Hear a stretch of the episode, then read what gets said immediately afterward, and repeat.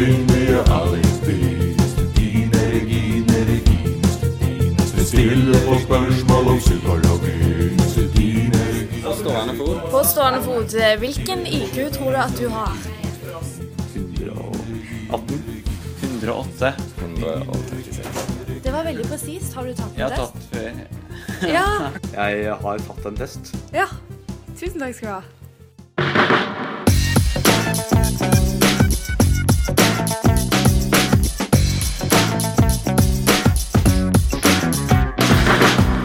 Du hører på Psykologlunsj, populærvitenskapelig lunsjprat med psykologene Tommy, Jonas og Jan Ole.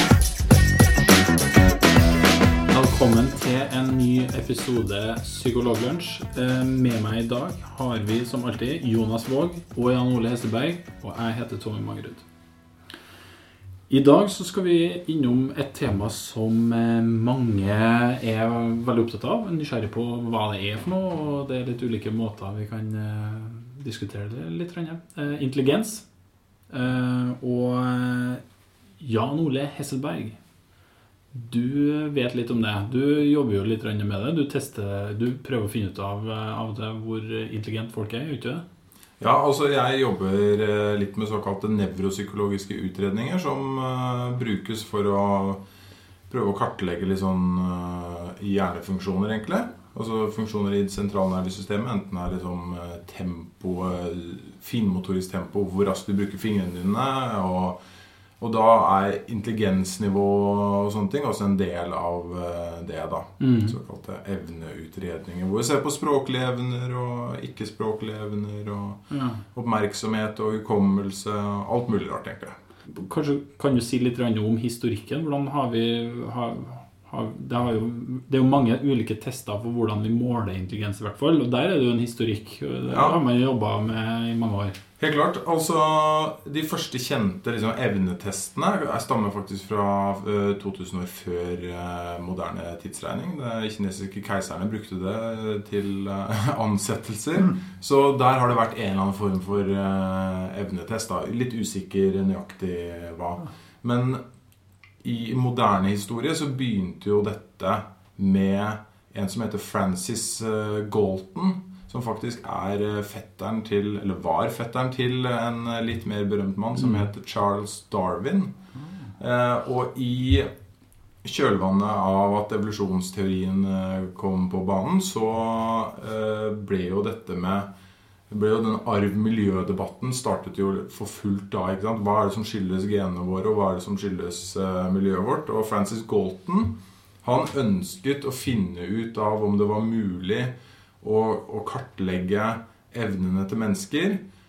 Og om, tok også litt grann som til orde for hvordan kan man liksom dyrke fram de gode egenskapene. Altså de gode evnemessige egenskapene. Ganske kontroversielt eh, Ja. i dag, da. Eh, Så han satte i hvert fall temaet liksom på dagsorden på, på slutten av eh, 1800-tallet. Men det var eh, en franskmann med navn Alfred Binet som var, den, var først ute med den ordentlig sånn dugelige evnetesten. Eh, Og den ble brukt for å skille Altså brukt i skolen for å skille liksom gode fra dårlige gode elever fra dårlige elever. For å finne ut av hvor, var, hvor lå potensialet. For det er litt viktig når man skal eh, lage en skole. Og sånn brukes det jo litt grann i dag også. I PP-tjenesten så er det- er jo evnetester veldig mye brukt. Og det er en historikk som stammer tilbake til eh, denne Alfred Binet. da. Og denne Binet-testen, som eh, hadde en del sånne elementer som ligner litt grann på det, det en evnetest er i dag, ble brukt også i USA. Ble adoptert til USA, hvor det ble brukt både i skole og ikke minst i militæret. eh, ble det brukt. Det gjøres jo også i Norge i dag. Så brukes jo en del sånne evnetester i, eh, på sesjonen for å kartlegge, eh, kartlegge de som muligens skal inn i militæret. Så det, det var Binet-testen. Eh, På i begynnelsen av 1900-tallet, i 1916, så adopterte en som het eh, Louis Turman. tilpasset da Binet, denne Binet-skalaen til de amerikanske skolebarna eh, og militæret. Og øh, denne testen da ble kalt Stanford Binet-testen fordi den ble utviklet på Stanford. Og da ble også IQ for første gang et begrep, altså intelligenskvotient, som det er en forkortelse for, ble et begrep med, med den testen. Mm. Og så i eh, 1939 så kom en annen mann på banen som het David Wexler. Eh, og han eh, var med på å utvikle det som eh, da ble kalt Wexler Bellevue eh, Intelligence Scale, altså VBIS. Som eh, var en av de første eh, testene som løste det som var språkproblemet med den forrige intelligenstesten. At det var veldig vektlagt at man behersket språket veldig godt. Mens, eh, men den den Wexler Bellevue-testen den eh, hadde med noen eh, tester som ikke krevde at du behersket språk. altså Som hadde litt de testene som vi ser på baksiden av eh, eh, har vært på dag, baksiden av Dagbladet f.eks., hvor du har et bilde hvor det mangler en bit, og så skal du finne en bit som passer inn i det bildet. Og, og for de som eventuelt har klikka seg litt inn på eh, Mensa sine hjemmesider og tatt noen av de testene der, Ja. så er det også noen varianter av de der. Ja, sånne, der var det med eh, tester som ikke krevde at du behersket språk, og såkalte nonverbale tester. da. Eh, og Wexler utviklet da også videre det som eh, i 1955 ble kalt VICE, eh, altså Wexler Adult Intelligence Scale. Og fra og med 1960-tallet så var denne testen mer brukt enn den Stanford Binet-testen. Og VICE-testen er også liksom gullstandarden for det som brukes i Norge i dag også. Den har kommet i flere forskjellige versjoner. I 1981 kom VICE en revidert utgave av den, og i Nå i 2008 kom det som er den fjerde utgaven av det, Vice 4, eh, som kom på norsk i 2011. Så det er, etter hvert så er det den som kommer til å bli brukt mest eh, i Norge også. Så det er litt sånn eh, kjapp gjennomgang av det som er historien til IQ-testen. Og i dag så er det den Vice-testen er den som er mest brukt, men det finnes også veldig mange andre typer tester. Um, så, men hva, hvordan ser de her testene ut? Hva er det man Du, du, du nevner det her med på baksida av Dagbladet. Der er det noen av sånne pusleoppgaver, nesten, eller sånne problemløsningsoppgaver. Hva, hvordan ser de her eh, Hvordan er et sånt Vice-batteri, eller vekslerbatteri? Nei, altså Det er jo veldig sånn det er en, Å tenke at IQ-test bare handler om de bildene der som vi snakka om, eh, det, er, eh, det er ikke riktig. Det, de finnes i veldig mange forskjellige varianter. Og i hvert fall sånn som Vice er lagt opp, denne testen som brukes veldig mye, så er det en del med oppgaver som er språklige, som handler om uh, hvordan man uh, Hvor godt man klarer å bruke språket, uh, blant annet. Og en annen del som handler om er mer sånne nonverbale oppgaver, som er de bildeoppgavene der, og noe, noen puslespillignende oppgaver. Det er også noen oppgaver som går mer på oppmerksomhet. eh, eh, og hvor raskt man løser oppgaver. Så det er, det er et veldig sammensatt fenomen. Og eh, to forskjellige IQ-tester ligner ikke nødvendigvis sånn veldig mye på hverandre, selv om de bruker begrepet IQ-test. da. Eh, sånn at eh, det er, det er litt vanskelig å si nøyaktig hvordan en sånn test er bygd opp, men, men denne Vice-versjonen er i hvert fall bygget opp rundt de her forskjellige liksom, hovedkategoriene, og så er det mange forskjellige tester inni det. Og det tar jo, tar jo gjerne sånn eh, tar gjerne en eh, en og en halv, to timer å gjennomføre en sånn eh, type test. Så det er mye man skal gjennom. Og så er det jo også versjoner for, for barn, tilpassa barn, og en del andre testvarianter som er tilpassa spesielle kognitive egenskaper man ønsker å måle også. Er det ikke sånn? Ja. Det, det finnes forskjellige varianter. Det som er litt viktig da når vi snakker om, eh, når vi snakker om IQ, hva er egentlig IQ for noe? Det bestemmes jo da hva av en sånn test måler.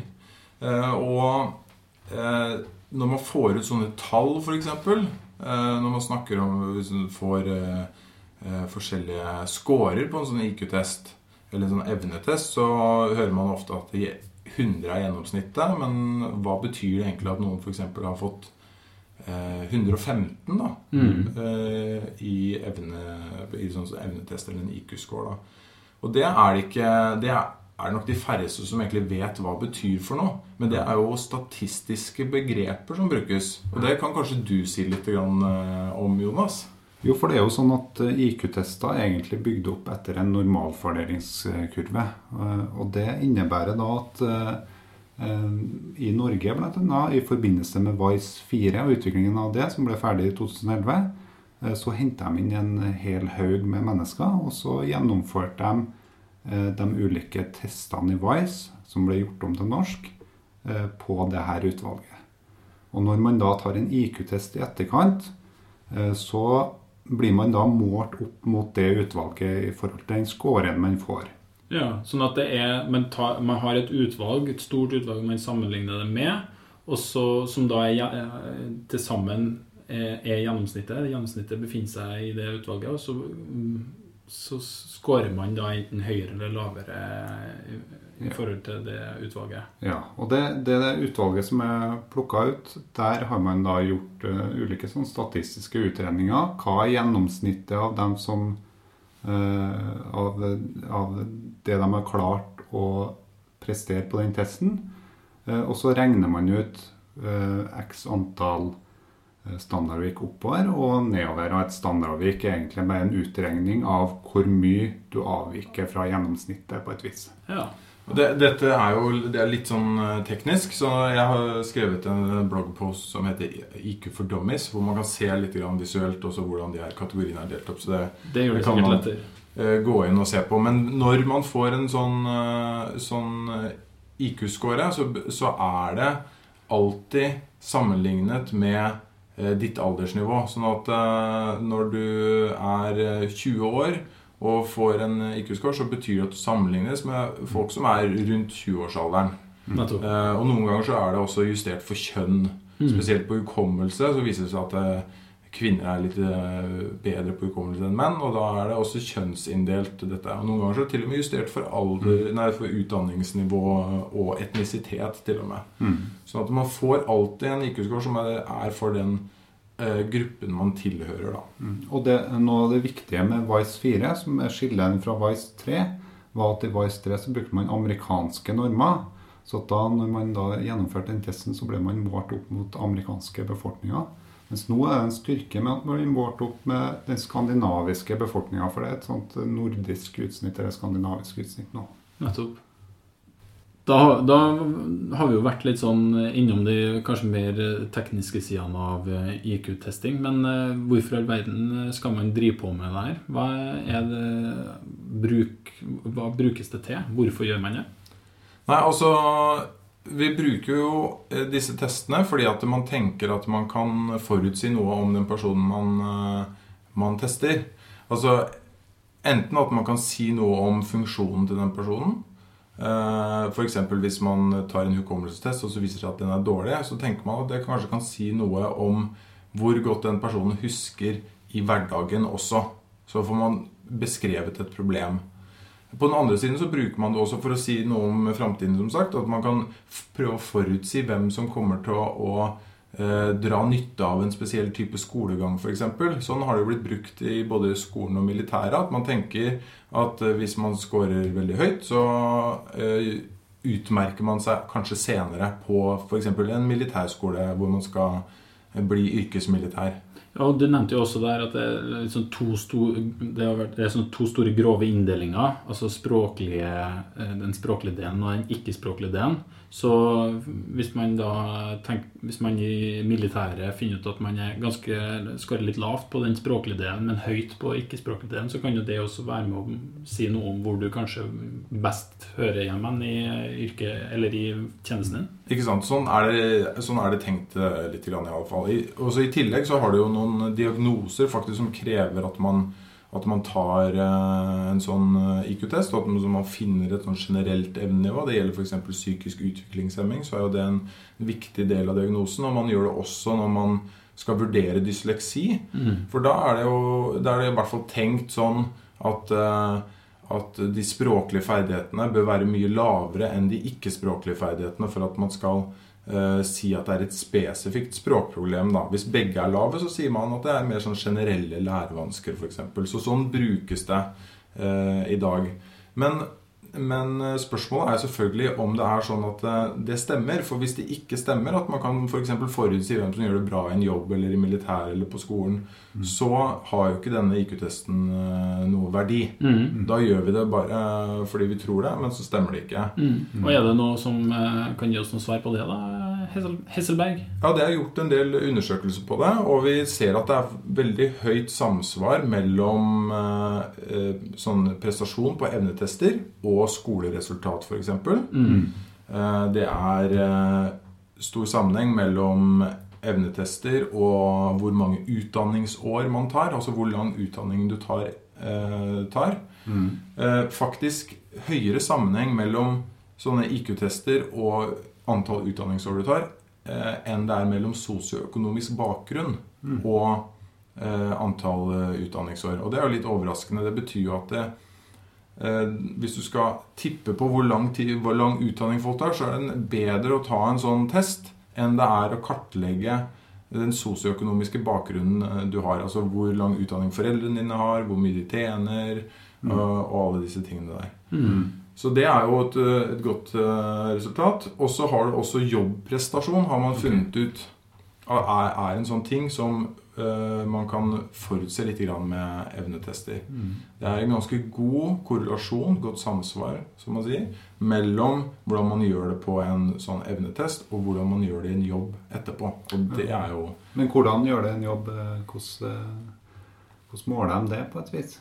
Nei, altså det, De undersøkelsene som er gjort, har de sett på veldig mange forskjellige typer jobber. Så det er ikke bare en spesiell type jobb. Men det, da tar de eh, sånne oppgaver på de som søker jobb, f.eks.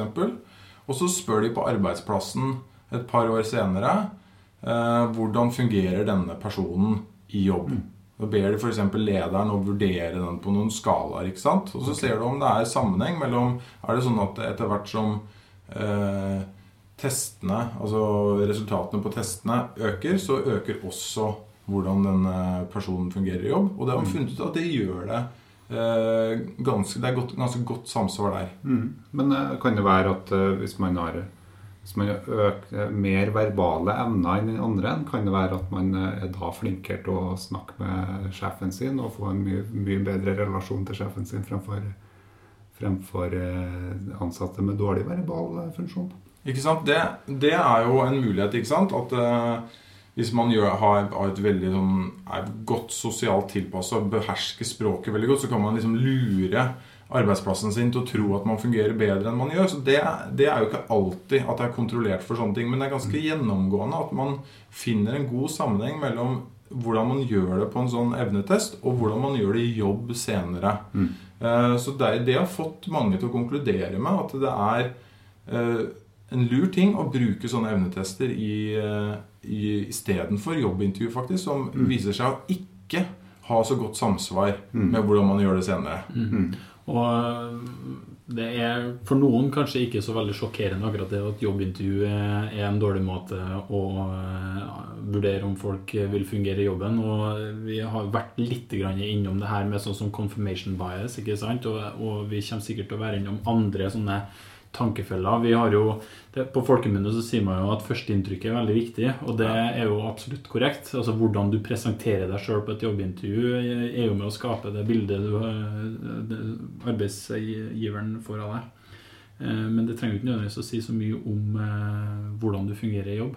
Nei, Og det, det vet vi jo, ikke sant? At bare en ting som hva slags type navn du har, påvirker om du blir kalt inn til intervju i det hele tatt. Og eh, i intervjusituasjonen så er det en hel haug med faktorer som påvirker oss. Det er populært kalt trynefaktoren. ikke sant? Så det påvirker eh, jobbintervjusituasjonen i en retning som gjør at vi, overser, at vi overser en del gode kandidater. Og det skjer ikke når man tar en sånn, eh, sånn evnetest som er vesentlig bedre til å forutsi hvem som gjør det bra i jobb.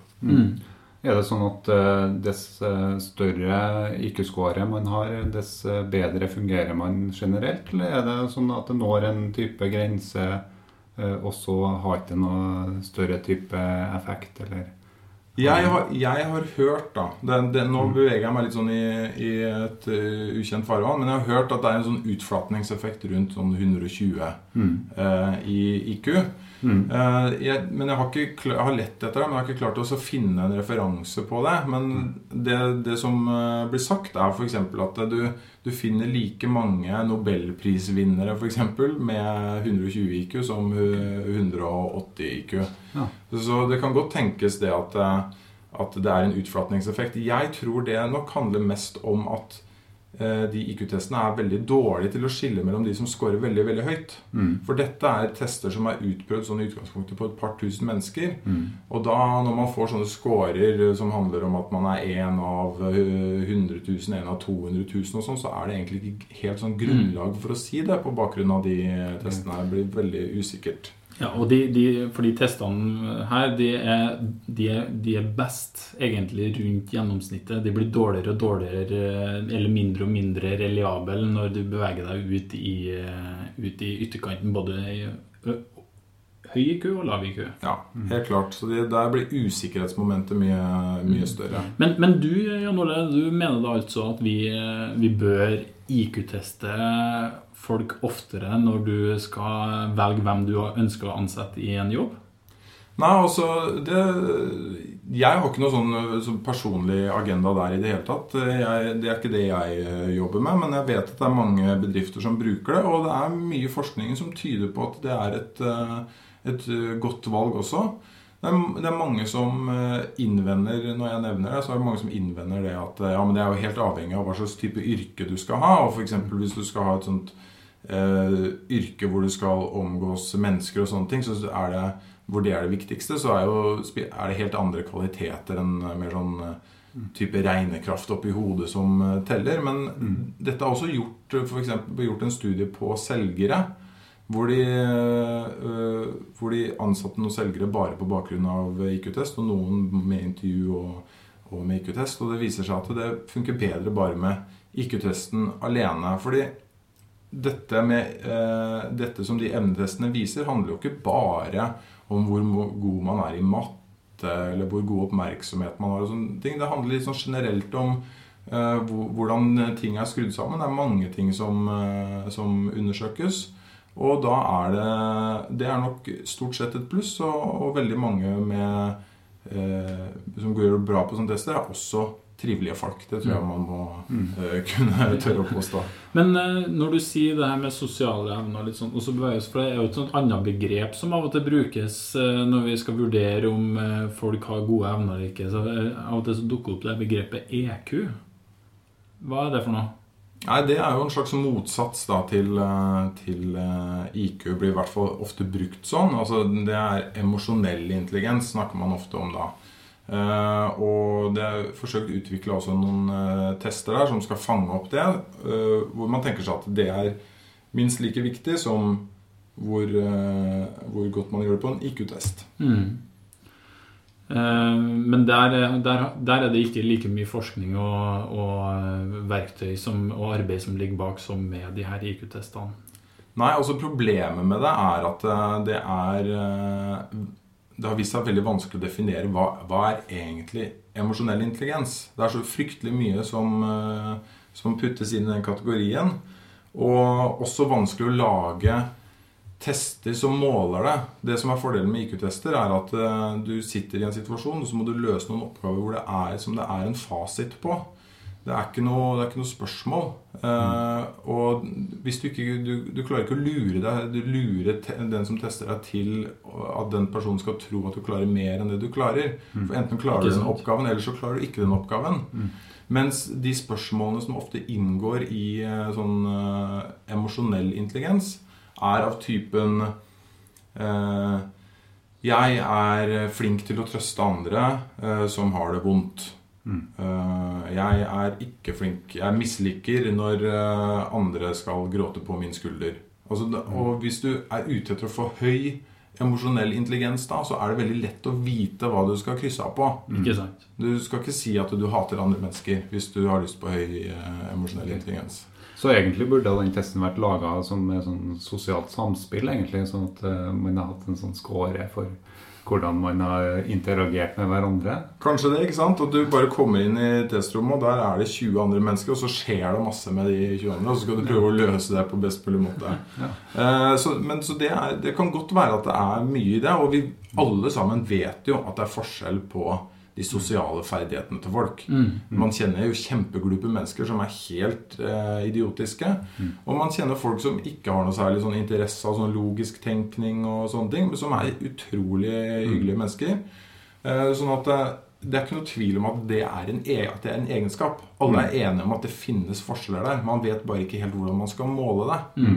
Og det, det er vel kanskje en sånn kjepphest i, i eh, mer sånn eh, personalseleksjon òg, er at eh, det skal være en tilpasning mellom person og miljø, eller en tilpasning mellom person og organisasjon.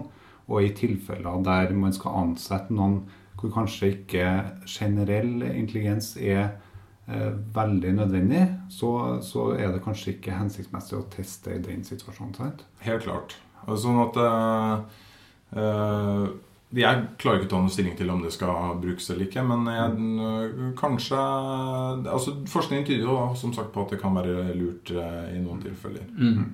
Vi har, eh, vi har vært gjennom eh, mye om eh, intelligens, og spesielt kanskje da hva høy intelligens kan være med på, eller gode scorer på det. Eh, En ting som jeg hadde litt lyst til å touche så vidt litt innpå før vi runder av, det er det, det gjøres jo også noen tester på folk som da eh, har vært utsatt for, eh, for skader i hjernen sin. Altså enten at de har vært syke med eh, hjerneblødning eller kreftsvulster i hodet, eller de har vært i bilulykker eller hva det nå er. Eh, Der tester man jo også av og til litt. og Hva kan de testene eh, være behjelpelige med å, å vise av informasjon? Nei, det, det gjøres jo eh, for å eh, se om det er noen etter f.eks. et slag. Da, om det er noen svekkelser på spesielle funksjoner. Det er ikke alt som dukker opp på sånne bilder eh, når man tar MR eller CT og sånne ting. Og da tester man hukommelse, oppmerksomhet, motorisk tempo. Er det forskjell på høyre og venstre side? Hvordan man klarer å bruke det.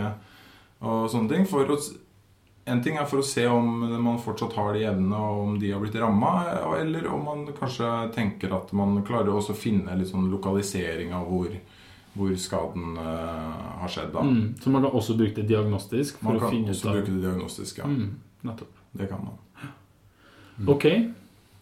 Jeg tenker at En viktig ting er også å, å si at det er noen klare mangler ved IQ-tester. Mm. Eh, Det er det flere. Det er en som har skrevet eh, en kjent forsker som skrevet, heter Keith Stanovich, som har skrevet en bok som heter 'What Intelligence Tests Miss'. Eh, og den vil jeg anbefale alle som er interessert i temaet, om å lese. Fordi den Han skiller mellom da intelligens og det som kalles rasjonalitet. Mm. Og sier at Uh, intelligenstester klarer ikke å plukke så veldig godt opp det vi forbinder med rasjonalitet. Altså evnen til å liksom, kritisk tenkning og, og gjøre litt sånn nyanserte vurderinger. Så å komme med en del eksempler der som viser seg at folk med høy IQ klarer, er en del oppgaver de ikke nødvendigvis eh, klarer. Har du et gullkorn? Jeg har et eksempel på en sånn uh, oppgave som uh, han bruker. da. Ja. Ehm, jeg kan jo, kan jo ta en oppgave. Den lyder som følger. Eh, per ser på Lise. Lise ser på Truls. Per er ugift. Truls er gift. Ser, og da er spørsmålet Ser en gift på en ugift? Og da får dere tre svaralternativer. Ja. Nei. Det er ikke mulig å si. Det er ikke mulig å si, sånn som jeg ser det i hvert fall. Ja. Jeg tror eh, Nå var det litt vanskelig å ta det sånn eh, på sparken, men jeg tror kanskje det er riktig. altså, At det er vanskelig å si det. Mhm. Og jeg sitter jo her, her sammen med to veldig intelligente mennesker som begge har svart feil. Ja. Eh, Dette her er en type oppgave som ikke fanges opp av, eh, av IQ-tester. Og det vrir Tommy seg litt grann her. Eh, Tommy har til og med hørt oppgaven før. Men uh, fordi uh, Jeg skal forklare Og dårlig hukommelse Jeg skal forklare Også hvor godt man gjør det på denne oppgaven her, samsvarer veldig lite med IQ-scoren. Mm. Eh, litt av problemet med hjernen vår er at den ofte ikke undersøker de mulighetene som ligger i materialet. Det vi ser her, er at eh, Per ser på Lise. Det er en gift eh, som ser på Lise. Og Lise ser på Truls, som er ugift. Og vi vet ingenting om Lise. Og så tenker vi vi vet ikke noe om henne, så derfor kan vi ikke si noe om det. Men det man må gjøre, er å undersøke de mulighetene for Lise. For det er to muligheter Det er to muligheter for Lise. Den ene muligheten er at hun er gift. Hva skjer da? Da ser Lise på Truls. Da skjer Lise på Trulf. Da er det en gift som ser på en ugift. Men hva skjer hvis Lise er uh, ugift? Da ser Per på Ja, Lise. ja, ja, ja, ja, Da ser Per på Lise. Ja, for en drittoppgave, egentlig. Ja, luring, altså. Dette, dette, og dette, er en, dette er, har jo da vist seg at det er liten sammenheng mellom i, hvordan man gjør det på en IQ-test og hvordan man gjør det på sånne type oppgaver. Så det er helt åpenbart et eller annet som IQ-testen ikke fanger opp. Et fenomen som vi vanligvis forbinder med intelligens. Ja. Sånn at uh, dette er noe som på en eller annen måte uh, bør eh, fanges opp. Ja. Så det er, Og noe som også antageligvis har noe å si for hvordan man gjør det i uh, livet. Mm. Litt vanskelig oppgave og kanskje ikke sånn veldig podkastvennlig, men dette er en viktig kritikk av IQ-testene. Og en kan nesten våge seg til å spekulere i om det kan være at det finnes flere nobelprisvinnere blant akkurat de som eh, scorer høyt på akkurat den faktoren der. Kanskje. Det kan man kanskje eh, tenke på. Men dette er jo eh, han som har skrevet denne boken, Kit Stanovich, sier at dette er liksom forklaringen på hvorfor vi har i det hele tatt har et sånt begrep om eh, smarte folk som gjør dumme ting. Eh, sånn som dere, da. Takk. takk. Og meg selv. Jeg er ikke den samme sjøl også. Eh, sånn at eh, dette er helt klart et veldig viktig fenomen som det ikke tas opp i IQ-testene. Ok, det var en, eh, en sånn kjapp eh, og veldig grei intro til intelligens og intelligenstesting. Eh, Både hva, var historisk og hva det måler og ikke måler. Så da vil jeg bare eh, be alle sammen som er mer interessert i temaet, om å sjekke våre shownotes til podkastepisoden. Og eh, Jan Ole har eh, på sin hjemmeside tankesmed.no også en, eh, et blogginnlegg som heter IQ for dummies, eller IQ for dummies, eh, som det går an å sjekke ut. Eh, Jeg takker for en flott episode, og så høres vi om en liten stund.